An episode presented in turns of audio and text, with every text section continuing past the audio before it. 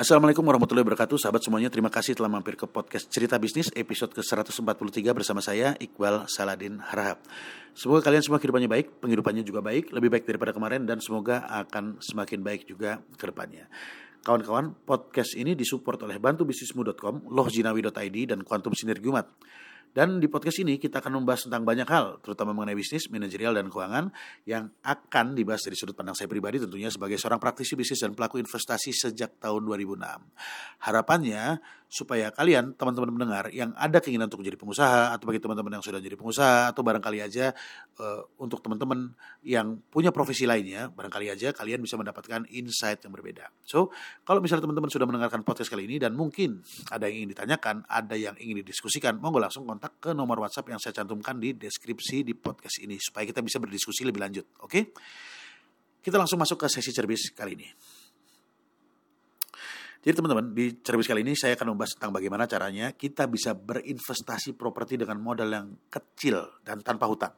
Ya, saya melakukan hal ini bersama beberapa teman saya sejak uh, kurang lebih uh, akhir 2018 lah. Dan cara ini cukup berhasil teman-teman. Cara yang saya lakukan bukannya tanpa modal sih. Memang perlu modal, perlu uang. Tapi modal yang dibutuhkan tuh uh, relatif kecil dibandingkan dengan harga properti yang akan kita beli. Dan properti yang uh, akan saya bahas kali ini bukan untuk rumah atau untuk bangunan yang kita tempati ya, bukan untuk rumah tinggal, tapi memang uh, properti untuk investasi, untuk disewakan, bukan untuk kita tinggali. Dan seperti yang saya katakan di awal, saya melakukan hal ini sejak akhir 2018 bersama beberapa orang kawan. Artinya investasi ini bisa dilakukan secara berjamaah. Ya. Langkah awal yang kami, ya kami di sini saya dan beberapa orang kawan, ya tepatnya enam orang kawan, jadi kami bertujuh semuanya. Jadi kami melakukan eh, langkah awalnya adalah membuat sebuah PT, ya, di mana kami bertujuh sebagai pemegang sahamnya, dan kami semuanya termodal gitu loh. Tapi eh, nilainya beragam. Ada yang nyetor 10 juta, ada yang masukin dana 100 juta, dan ada juga yang masukin lebih banyak lagi. Total modal yang store itu kurang lebih 400 juta rupiah.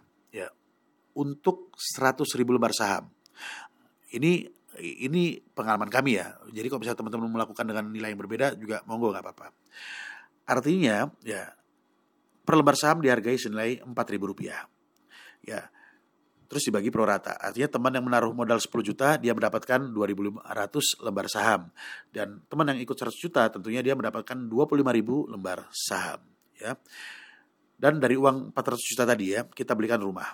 Ya, kita dapat rumah Eh, lokasi yang menarik di perumahan ya luas tanahnya 84 meter persegi dengan luas bangunan 36 meter persegi. Dapat dua kamar tidur satu kamar mandi ya. Lalu rumah tersebut kita kontrakin ya dengan sewa 12 juta per tahun. Kurang lebih 12 juta itu 3 persen lah dari nilai harga rumah.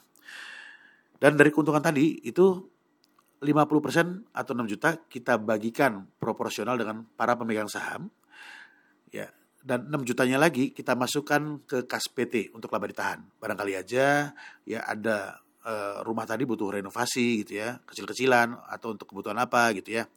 Kita sisihkan 50-50. Nah, terus kita bagi rata. 6 juta tadi kita bagi pro rata. Teman yang ikut modal 10 juta tentunya dia mendapatkan dividen 300 ribu untuk satu tahun. Lo kok kecil?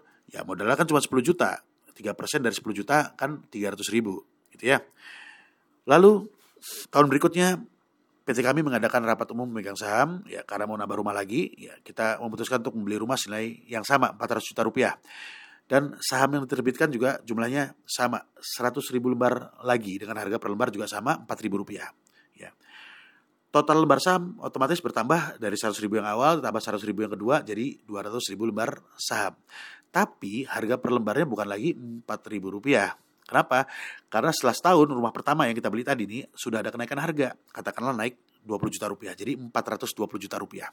Sehingga total aset yang kita miliki setelah kita beli rumah baru adalah 420 juta rupiah rumah yang lama ditambah 400 juta rumah yang baru. Total aset yang kita miliki adalah 820 juta.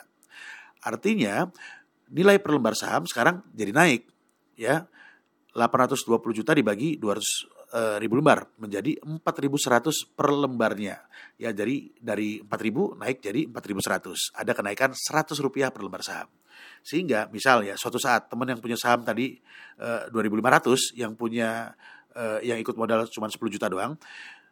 Uh, jika suatu saat dia butuh uang dan mau melepas sahamnya 1000 lembar, ya maka akan ditawarkan dulu kepada kami berenam. Siapa nih yang mau beli saham saya 1000 lembar tadi ya dengan nilai uh, 1000 lembarnya jadi 4 juta 100 ribu 4,1 juta. Dan uh, tentunya si teman ini karena cuma jual 1000 lembar, ya dia masih punya 1500 lembar saham lagi sisanya gitu ya dari 2500 tadi. Sehingga gak semua kepemilikannya itu harus dijual. Di sini artinya kita beli rumah itu bisa dilakukan secara berjamaah, secara patungan. Ya, nggak perlu mengeluarkan modal besar untuk memiliki satu rumah gitu loh. Modal berapapun bisa punya rumah. Tepatnya, kita bisa punya PT yang PT-nya memiliki rumah sebagai asetnya bisa rumah, bisa ruko, bisa kos-kosan, ya bisa macam-macam properti lainnya lah. Terus akan ada timbul pertanyaan seperti ini. Loh, tapi kan rumah tadi bukan jadi milik saya pribadi gitu loh. Bukan jadi milik saya.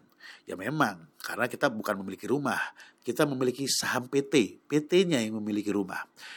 Terus berarti rumahnya nggak bisa kita tinggalin dong? Ya memang, makanya di awal saya bilang bahwa ini eh, investasi rumah, investasi properti ini bukan untuk dibeli untuk jadi rumah tinggal kita gitu loh.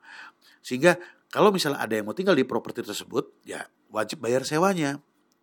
Jadi eh, teman-teman menurut saya berdasarkan pengalaman saya, siapa pun bisa investasi properti, bahkan dengan modal yang kecil sekalipun dan tanpa hutang, belinya cash. Caranya gimana? Ya tadi kumpulin aja sebanyak-banyak kawan untuk patungan. Makin banyak orang yang ikut, tentu akan semakin ringan. Gitu teman-teman ya saya bisa melakukan, mudah-mudahan teman-teman juga bisa melakukan. Oke, mungkin uh, demikian tentang cerbis singkat episode kali ini ya. Mudah-mudahan uh, bermanfaat buat kita semua. Monggo kalau misalnya ada yang perlu didiskusikan bisa sharing uh, di nomor WhatsApp yang saya cantumkan di deskripsi di podcast ini. Oke teman-teman, uh, saya cabut dulu. Uh, sampai jumpa di episode cerbis berikutnya. Assalamualaikum warahmatullahi wabarakatuh.